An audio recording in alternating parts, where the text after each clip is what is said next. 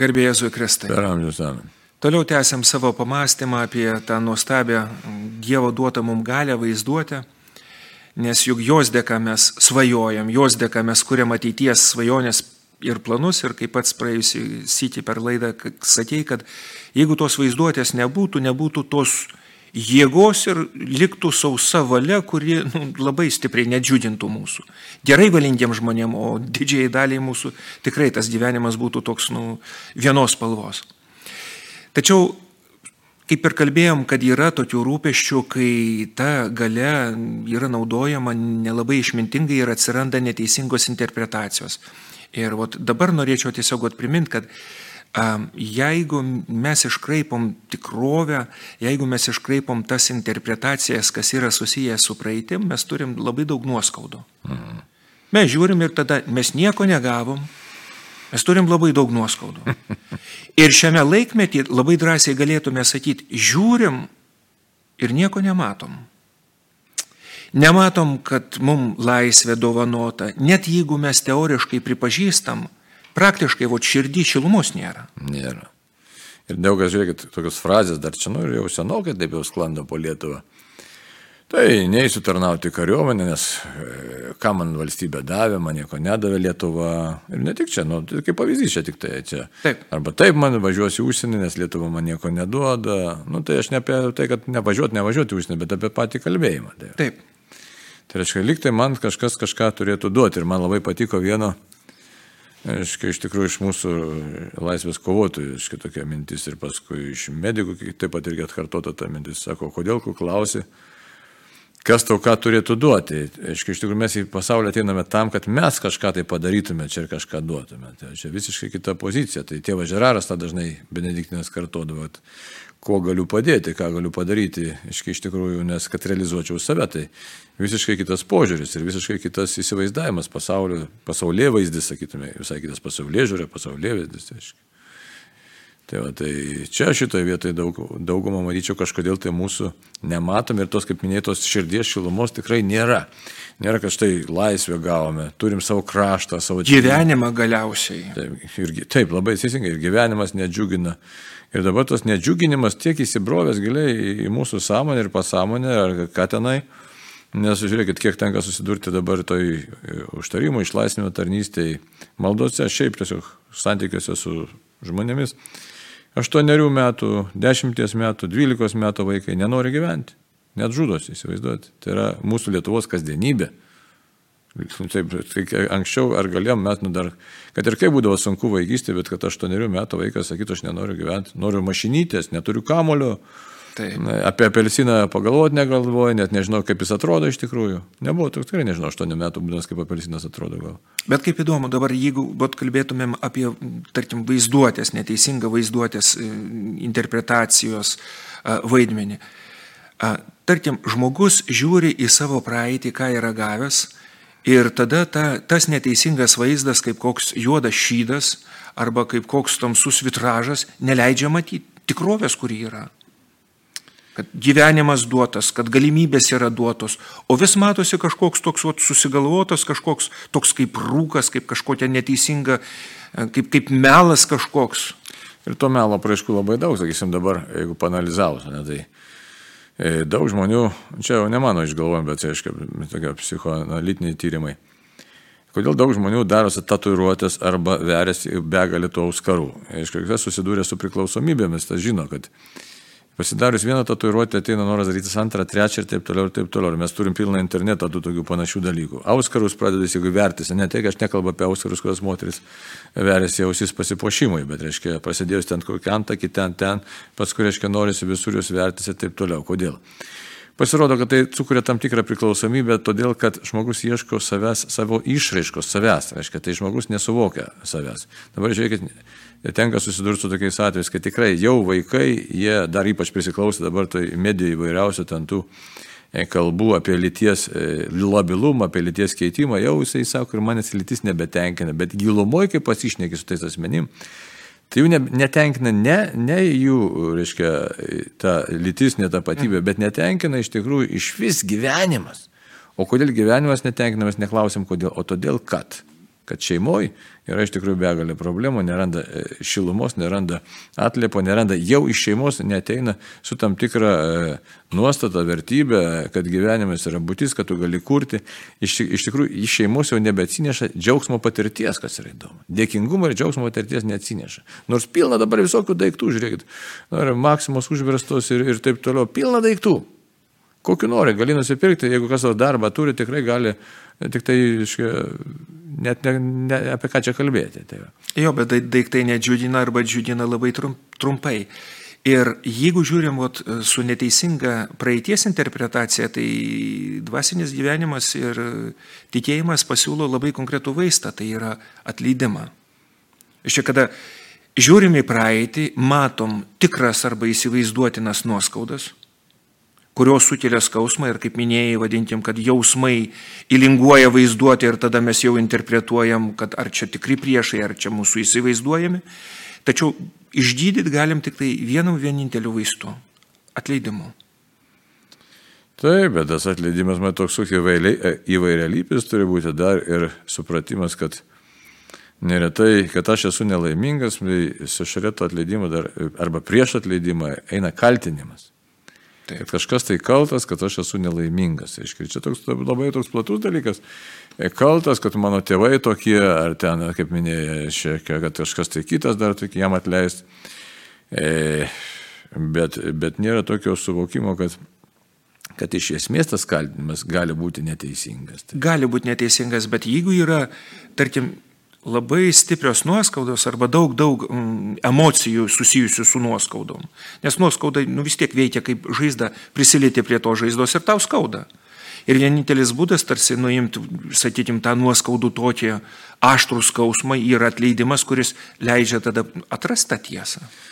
Ir dar prieš kalbant apie atleidimą, dar norėsiu paminėti, kad vis tiek ta problema labai yra gili, yra to tokio mūsų to nedžiaugsmo, ir nedėkingumo problema ir negalėtume tiesiog visiškai tiesiogiai tik tai kaltinti save pačius, na, mūsų laikmečio žmonės, nes iš tikrųjų šeimose pritrūko teisingo dėmesio. Dabar žiūrėkit, kiek yra išsiskyrusių šeimų. Begalė, daugiau negu 60 procentų. Tai Ir kai tėvai e, įsivaizduoja, kad jų tos skirybos nepalėtė jų vaikų, nes čia jie atseit sprendė savo gyvenimo problemą, o vaikai tegul gyvena savo gyvenimą. Šitaip negali būti ir taip nebūna, ir taip nėra, ir taip nebus. Nes vaikas neatsiejamai yra susijęs su, su, tėva, su e, tėvai savo emociniu ryšiu. Ne, ne, tiesiog tai neįmanoma, kad jis būtų kitoks, jis toje aplinkoje. Jeigu ta aplinka tampa nesaugi, realiai nesaugi aplinka, aplinka, kurioje nėra džiaugsmo, kurioje nėra, jau nėra dėkingumo, nėra meilės, tai jis ir perima, išmoksta tam tikrą elgesio modelį, labai nevykusi, netikusi, kopijuoja tą elgesio modelį. Tai čia nieko naujo psichologai nepasakysim, sakysim, kodėl alkoholikų šeimos duktė renkasi paprastai vyrą alkoholiką arba smurtaujančios šeimos E, duktė renkasi smurtaujantį vaikiną, reiškia, ir priima tą modelį ir gyvena. Tai, tai čia tokių labai daug tokių, su, tiesiog daugelįpio to atleidimo reikėtų, ne, atleidimo ir, ir pamatymo, kad galėtų būti kitoks gyvenimas, nes neretai žmogus jis kenčia, bet jis vis tiek tiek susitapatina su to savo šeimos modeliu yra, kad jis jau nebepaėgia kitaip pasaulio matyti. Tai čia nežinau, kaip reiktų tiesiog padaryti kalbant apie atleidimą. Čia tiesiog toks ir įsivardinimas, kad, kad pasaulis yra kitoks, negu vien tik tai mano patirtis leidžia pamatyti. Kad aš esu nelaimingas ar nelaiminga. E, tai gali būti ir tik tai subjektyvus dalykas, bet kita vertus yra tie giliai į mane įėję kažkokie tai elgesio ten modeliai, laikysenos, ir kurių taip paprastai taip lengvai neištrauksi. Atleidimas čia galėtų būti tik tai per pirmas etapas. Žinoma, Kadangi kalbam ir stengiamės nu išlaikyti ribą ties neteisingom interpretacijom arba su perdėta vaizduotė, tai mes kalbėjom apie tai, apie praeitį. Praeitis yra tas, kas yra pasibaigę. Tačiau yra kita teritorija, kur, reiškia, gana dažnai girdim būtiniai kalboj žodį tu prisigalvoji. Reiškia, žmogus žiūri į ateitį ir ką jis mato. Jeigu nėra tvirto tikėjimo, kad Dievas jį veda ir kad juo rūpinasi, lieka labai daug baimių. Ir tada žmogus, žengdamas į priekį, natūraliai yra užkluptas įvairiausių, ko jis bijo. Bijo būti nesėkmingu, bijo kančios, skausmo. Nu, čia galėtumėm tiesiog išvardinti labai daug tų fobijų. Tačiau klausimas yra toks, kad o ką gali pasiūlyti tikėjimas? Matai, čia taip pasakius paprastai tikėjimas tai toks, nu, žinai. Gerai, tarkim ar ne, kad e, nebūtų tikėjimas, tikėjimas, e, kad nebūtų vien tik tai abstraktus žodis, sakytim, ką konkrečiai mūsų Jėzus Kristus siūlo mums. Kaip žengti į priekį, kad tos fobijos jos mūsų nevardintų. Nes iš tikrųjų, jeigu žiūrėsim taip į tikinčius žmonės, nu, nu daug susigūžusių žmonių yra. Labai daug, labai. Labai daug tokių pavargusių ir nieko bendro su, kaip čia pasakyti, su vidinė laisvė arba su, netgi su gyvybinė energija, galėtume sakyti, neturinčių. Bet čia tikėjimas nėra kaltas. Tas kartais mes iš tikėjimo lozungą padarom, kartais. Bet ne visą laiką.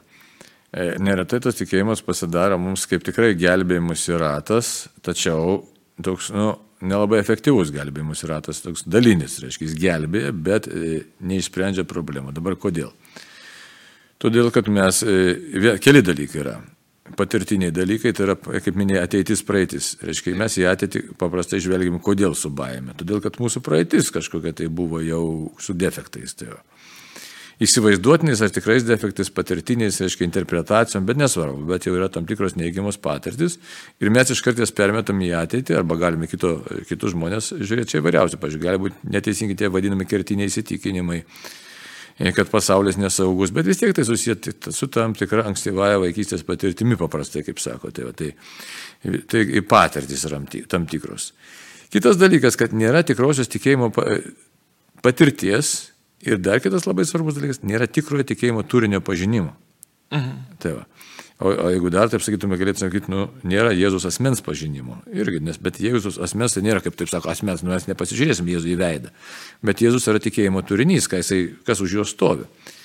Tai už tai tokie, žiūrėkit, kokie keli tokie baziniai dalykai. Iškia, gyvenimiška patirtis, net, nu, tokia sužalo, su šiaip savo, šiaip sau. E, Tikėjimo e, patirties iš vis daugelį atvejų giluminės nėra, yra tradicinė kažkokia, ir ta, ta tradicija ne, Ritualinė nevykus, labiau. o, ritualinė, labai geras žodis. Nu, ne ritualinė paslaugų biuras, bet vis tiek ritualinė. Ne, tai taip, nu, eini, eini atbūt, reiškia, arba išklausyti, bet, bet nieko bendro su mano vidum su... Ir e, nėra gyvybės dar netame. Ir dar nėra tikėjimo turinio pažinimo, įsivaizduoti. Ta visame tame dar kas labai svarbu, reiškia. Nei vaizduoti čia niekur neįsit, negali net teisingai įsiterpti. Ir emocijos neįsiterpia. Žiūrėkit, dabar pažinimo nėra. Tai, reiškia, arba pažinimas yra neigiamas. Toliau, aiškiai, emocijoms įsiskleisti nėra kur visiškai. Nu, ir, ir, ir tada ir vaizduotė taip pat, ta vaizduotė tai iš karto jinai formuojasi pagal tą negatyvų turinį ir kas tai vaizduotė, da tuštuma ir liūdėsys ir melancholija. Košmaras. Depresija, na, viskas. Tai tokia, ir tokio erdvėje piktai dvasia veikti, tai čia, nu, tiesiog vienas malonumas. Ir tada žmogus sako, žiūrėk, aš ateinu į bažnyčią arba pats kunigas ir geriu antidepresantus. Ir tai mūsų realybė yra ir nėra, kad čia bėg nuo jos. Tai, va. tai toks, toks dabar šiandien gyvenime. Ką- Tai ką galim padaryti, reiškia, įsivertinti savo emocinę ir pati- patirtį, reiškia, e, psichologinę galim įsivertinti drąsiai. Nu, sakysim, ten ir mama arba, nes kaip jau minėjom, šeimos. Taip pačioje šeimoje vienas vaikas jautėsi mylimas, o kitas jautėsi atstumtas. Ir taip yra. Galėjo tėvai padaryti klaidų? Galėjo. Greičiausiai ir padarė, jeigu nėra, padarė. nėra tobulų. Ir ką dabar padarysi? Tai reiškia prieimimas gyvenimo kaip tam tikro uždavinio. Toliau. Tikėjimo patirtis, nu nėra teigiamos patirties, nėra tai, reiškia, galima priimti sprendimą, kad štai tas mano tikėjimas, kurį šiandien turiu, dar nėra pilnas. Įtobulinti ir tobulinti. Ir toliau tikėjimo turinio pažinimas, tai tam yra, vėlgi galima daryti neįvairiausių žingsnių. O kad neslėgtų taip greitai ir taip sunkiai ta, sakysim, tos tariamos arba tikros žaizdos, gali būti, tarp kitų, Lietuvoje labai daug žmonių nedaug gyventojų, o problemų, tai žiūrėk, tai prie kabevo ten koks senelis ar tėvas prie savo ten dukters ar panašiai ir panašiai ir panašiai. Tad tų žaizdų tikrai yra labai realių ir labai gilių, sakysim, ten prievartavo vaiką, dar kas nors ir panašiai. Nu, pilna tokių dalykų. Tai, Taip. Tai, tai vėlgi, tai yra tie dalykai, kuriuos reikia spręsti konkrečių būdų, labai konkrečių būdų. Ir gali ten padėti ir psichologinės priemonės kažkiek tai, bet patirtis rodo, kad be to tikėjimo brandos ir atleidimo tikrai pajudėti iš mirties taško labai yra sunku. Ir svarbu pastebėti, kad vienas iš būdų, kaip nugalėti vis tik fobijas, yra aiškus suvokimas, kad Dievas veikia dabartyje. O tai yra dvi knygos. Yra šventas raštas, kuris kalba, ir mūsų gyvenimo patirties knyga, kur mes patiriam. Taip. Ir va, tas tiesas, apie kurias tu kalbi, kurias Dievas yra paskelbęs, pradėti po truputį atpažinti mano konkrečioji gyvenimo tikroviai, juk padeda tas labai konkretus dalykas kaip dėkingumas. Bet šitoje vietoje svarbus dalykas taip, dėkingumas ir ne, nepadaryti iš tikėjimo maginio tokio mąstymo kažkokio elemento. Ne? Dievas realiai veikia, bet jis neveikia mechaniškai, jis veikia asmeniškai. Čia yra skirtumas dalykas. Tai jeigu žmogus ieško tikėjimo atsakymo, tai jis turi ir suprasti, kad aš visų savo gyvenimu, visų savo gyvenimu turiu ateiti pas viešpatį. Suprant, kad tai reiškia visų gyvenimų. Tai ne tai, kad sako, aš, aš ateisiu į bažnyčią, išsispręsiu savo problemą ir toliau gyvensiu. Ne. Šitaip nebus.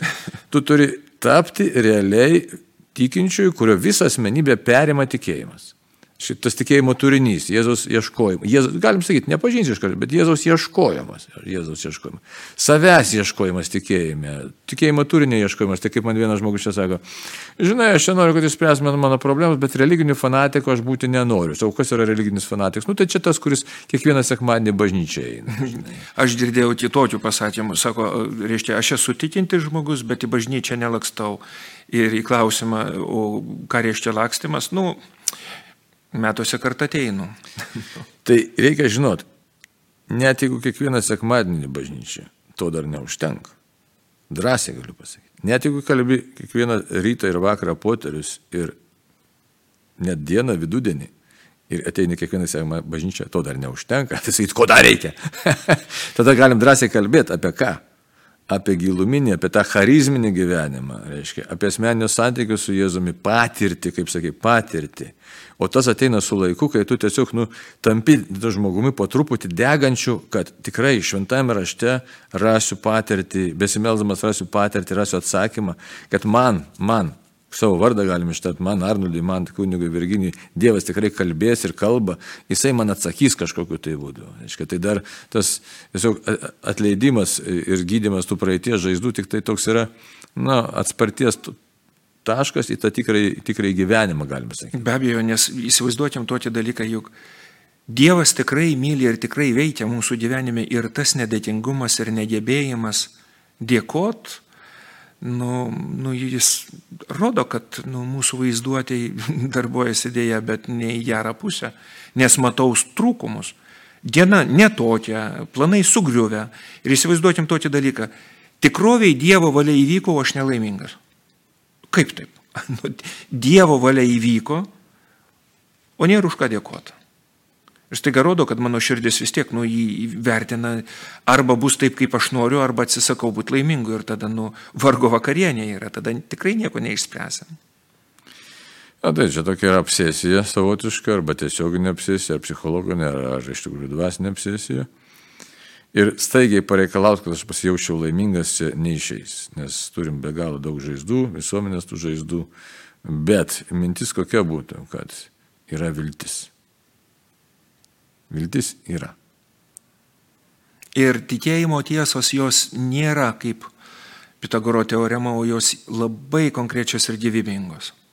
Ir jeigu Dievas sako, kad eina kartu su mumis per mūsų gyvenimą, mes tikrai, jeigu ieškom, tikrai atpažinsim jo pėtsakus. Ir tada tikrai pradžiugsim ir galėsim išsivaduoti tiek iš praeities marazmų, tiek į tą ateitį, kuri galbūt su iššūkiais, bet žengsim kartu su Dievu. Ir nepamirštant, kad einame amžinybę. Tikrų tikriausiai. Amen. Amen.